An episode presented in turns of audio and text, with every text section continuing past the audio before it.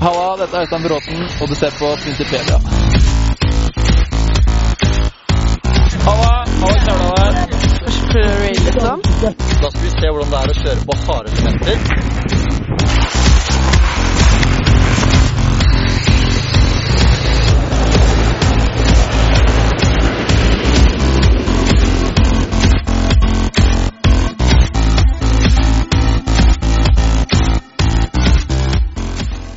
Nå er du sidelengs på railen, og det som er viktig å tenke på da er brede ben for balansens skyld, knekke knærne, som det er viktig på på hopp i tillegg.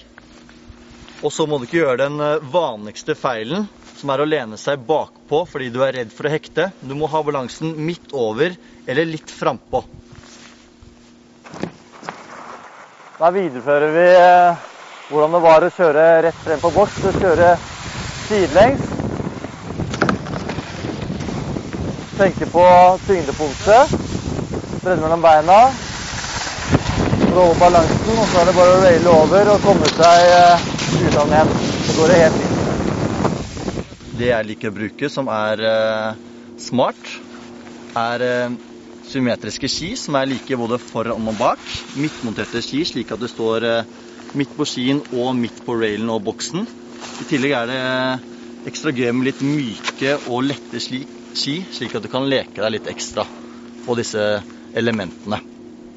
I tillegg er det smart hvis du ikke har litt eh, brukt utstyr med allerede rundet av kanter, å bruke en fil til å gjøre jobben. Og Det er egentlig bare å file i gang for å runde av kantene, slik at du ikke hekter på disse elementene og slår deg helseløs.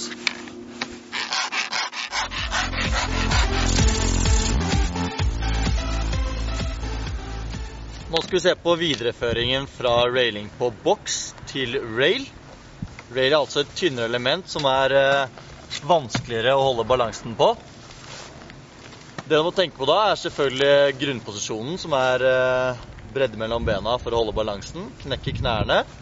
Tyngdepunktet rett over eller litt forover.